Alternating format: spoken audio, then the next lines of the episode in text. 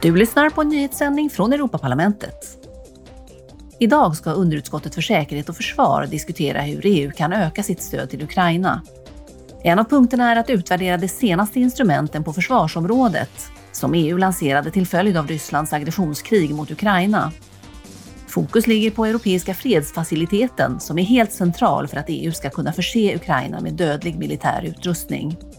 Man ska också diskutera det nya lagförslaget om ett instrument för gemensam upphandling på försvarsområdet för att hjälpa EU-länderna att snabbt fylla på sina militära lager.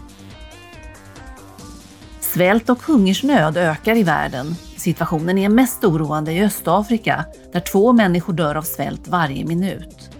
Med tanke på detta håller ledamöterna i utvecklingsutskottet idag en diskussion om vad EU kan göra tillsammans med kommissionen och Michael Dunford som är regionaldirektör för Östafrika inom FNs livsmedelsprogram. Förra veckan beslutade Europaparlamentet att påbörja förhandlingar om att förbättra arbetsvillkoren på digitala arbetsplattformar.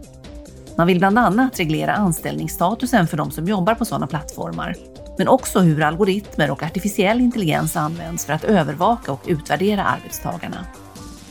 Du har lyssnat på en nyhetssändning från Europaparlamentet.